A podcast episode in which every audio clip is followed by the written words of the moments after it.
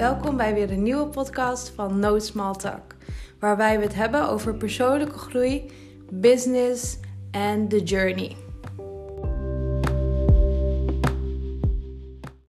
Vandaag gaan we het boek What They Don't Teach You at Harvard Business School bespreken, geschreven door Mark McCormack. Hij begon als advocaat en zag daarna een kans om het management over te nemen van een professioneel golfplayer, Arnold Palmer. Hierdoor heeft Arnold Palmer deals gekregen en collaborations gehad met bijvoorbeeld kledingmaatschappijen en speelde hij in verschillende evenementen. Zijn bedrijf, IMG International Management Group, groeide uit tot een wereldwijd succes en is nu nog steeds ehm, ja, actief in de verschillende uh, branches zoals sport, maar ook fashion.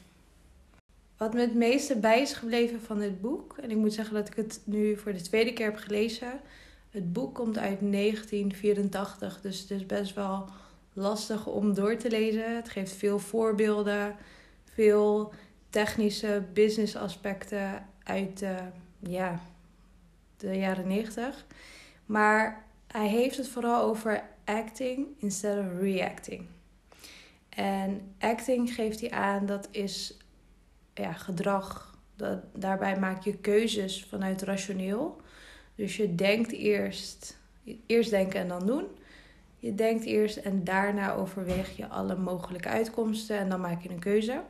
Reacting, dat doe je vanuit emoties. Daarbij denk je niet wat de, bedenk je niet wat de consequenties zullen zijn en ga je eigenlijk gewoon gelijk door.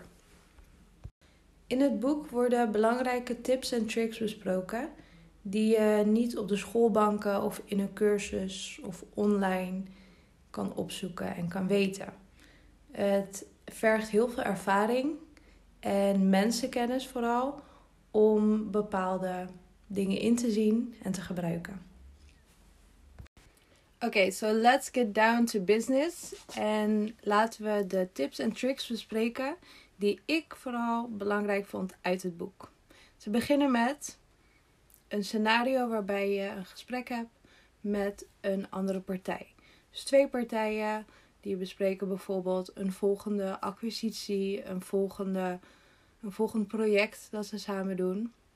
En daarbij zijn een aantal non-verbale communicatieve vaardigheden belangrijk om te hebben.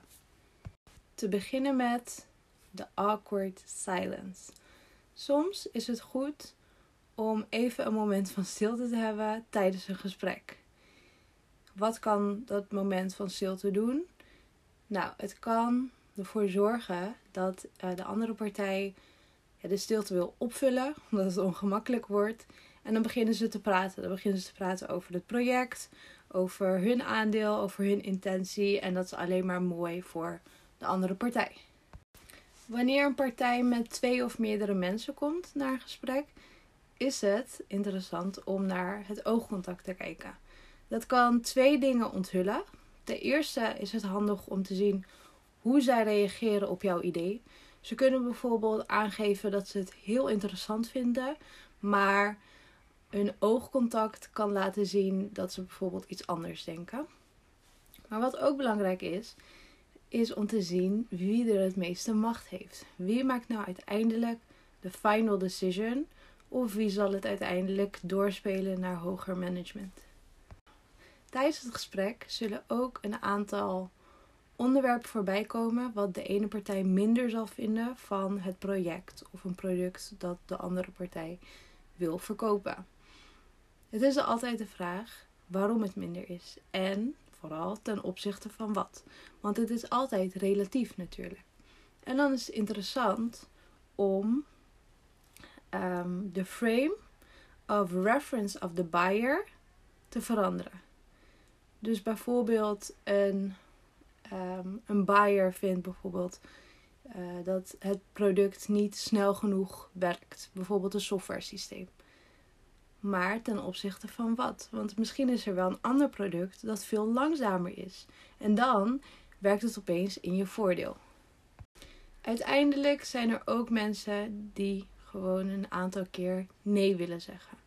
Ze willen een soort van power of macht uitstralen. En dan is het ook goed om in het gesprek gewoon een aantal keer nee te horen. Want dan hebben ze dat gewoon eruit, uh, hebben ze dat uitgesproken. En aan het eind van de dag kan het product gewoon verkocht worden, ongeacht de nee's. Mochten deadlines ter sprake komen tijdens het gesprek, is altijd belangrijk dat één partij de deadlines niet revealt, terwijl ze wel achter de deadlines van de ander uh, te weten willen komen.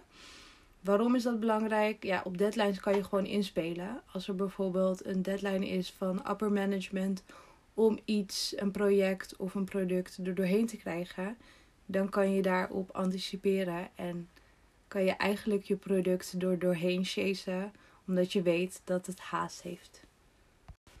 Over deadlines gesproken is timing ook een interessant aspect van management. Soms is een project niet op het juiste moment gepitcht. Binnen een bedrijf bijvoorbeeld past het nog niet binnen de werkzaamheden of is er gewoon het moment er nog niet voor. Wacht nog bijvoorbeeld twee of vijf jaar met je idee. Let it marinate en kom daarna terug op je idee. Misschien valt het dan wel heel goed bij het bedrijf of bij een ander bedrijf. En het is dus uiteindelijk nooit te laat om je project of product te pitchen. Maar let wel goed op de timing.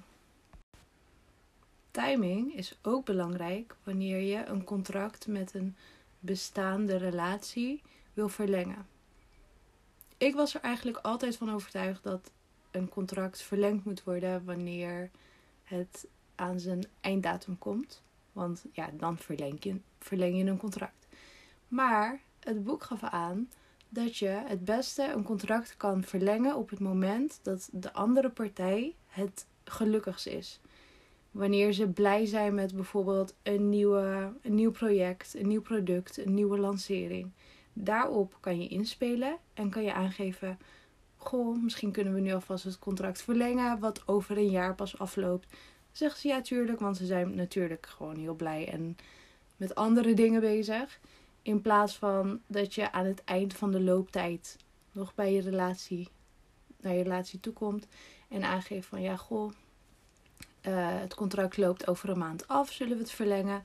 Misschien zijn ze ergens anders met hun hoofd, misschien hebben ze andere projecten en zijn ze dus ja, afgeleid en zullen ze minder geneigd zijn om het contract te verlengen. Mark McCormack was een succesvolle CEO en businessman. En daarbij komen een aantal verantwoordelijkheden kijken. Het is dan lastig om niet burnt out te raken. Maar hij had een aantal handige maniertjes om dit te omzeilen. Hij schreef namelijk al zijn afspraken op. Wanneer hij ze op had geschreven, hoefde hij er ook niet meer over na te denken. Want op het moment dat de afspraak er was, kon hij op zijn papiertje kijken en wist hij gelijk waar hij naartoe moest. Ik heb nog wel soms dat ik een bepaalde deadline heb en dat ik constant denk van, oh ja, dan en dan heb ik de deadline. Dan en dan heb ik de deadline. Omdat ik denk dat ik alles op een rijtje moet hebben in mijn hoofd. Maar op het moment dat je het opschrijft, kan je het dus ook vergeten en kan je gedachten dus gekleerd worden. Nu we het toch over time management hebben, gaf Mark ook nog een andere tip. Do the things that everyone has to do at the times when everyone else isn't doing them. Een voorbeeld hiervan is de file. Je staat misschien een half uur langer op de weg in de file en je doet niks met die tijd. Die tijd is eigenlijk wasted. Dat is omdat iedereen op hetzelfde moment naar zijn werk rijdt. Zijn of haar werk rijdt. Hij geeft aan dat bijvoorbeeld als je om 5 uur s ochtends opstaat en de dingen doet op dat moment wanneer iedereen slaapt, die je moet doen, dan ben je veel sneller klaar. Nou, ik moet zeggen, ik ben geen ochtendmens. Dus uh, dat is een uh, moeilijke skill voor mij om te leren. Maar hij heeft wel gelijk. In termen van efficiëntie, als je ja, wat efficiënter wil zijn met je tijd en geen tijd wil wasten, dan is dit wel een hele handige tip. Dan gaan we het hebben over charge for your expertise. Want het is belangrijk om de waarde van jouw vaardigheid te weten. Hierbij geeft hij een voorbeeld en het is nog discutabel of het waar gebeurd is. Maar een vrouw die zag Picasso in een restaurant en die liep naar hem toe. Ze vroeg aan hem of hij wat kon tekenen op een servetje. Ze zei: Maakt niet uit wat je ervoor vraagt, ik zal het betalen. Dus Picasso is binnen vijf minuten klaar en vraagt er 10.000 euro dollar voor. De vrouw schrok en gaf aan: Je hebt het binnen vijf minuten getekend, waarom vraag je er zoveel voor? En Picasso zei: Ik heb er misschien vijf minuten over gedaan, maar het heeft mij wel 40 jaar gekost om te kunnen tekenen en schilderen zoals ik kan. Dit vond ik heel interessant, want het is inderdaad wel zo. Je spendeert je tijd op school, je spendeert je tijd in de boeken, je spendeert tijd om werkervaring op te doen, om een vaardigheid te masteren en misschien te perfectioneren. En maakt niet uit dat jij het misschien sneller kan dan een ander, of beter en efficiënter kan. Maar daarvoor moet je wel jouw waarde um, chargen. Dus charge for your expertise. En dan komen we bij de laatste tip, onderwerp van het boek. En dat is fear of failure. Fear of failure, daar is eigenlijk best wel veel, wat veel over te zeggen. En ik denk dat ik nog wel een boek hierover zal lezen. Uh, maar het is interessant dat mensen de fear of failure hebben. En daar zit eigenlijk nog een onderliggende fear onder. Uh, dat is enerzijds schaamte. Uh, dat heeft natuurlijk ook met de omgeving te maken. En dat is ook omdat je het dan niet wil proberen. En hij geeft een quote aan. Dat is: I have done everything I can to get ready for this race. And if I win, everything will be great. But if I don't win, my friends will still be my friends. My enemies will still be my enemies. And the world will still be the same. En dat zet me eigenlijk wel even aan het denken, want het is wel zo. Als jij iets probeert en je geeft al je tijd en energie erin, dan is het alleen maar mooi als je wint. En de race maakt niet uit of dat een wedstrijd is, of je eigen journey, of een bepaald doel dat je wil behalen. Die race is uiteindelijk mooi als je wint, inderdaad.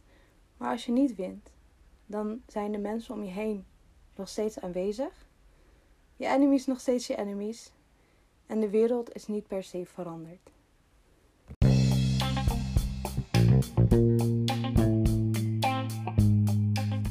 Nou, dit was hem dan voor vandaag.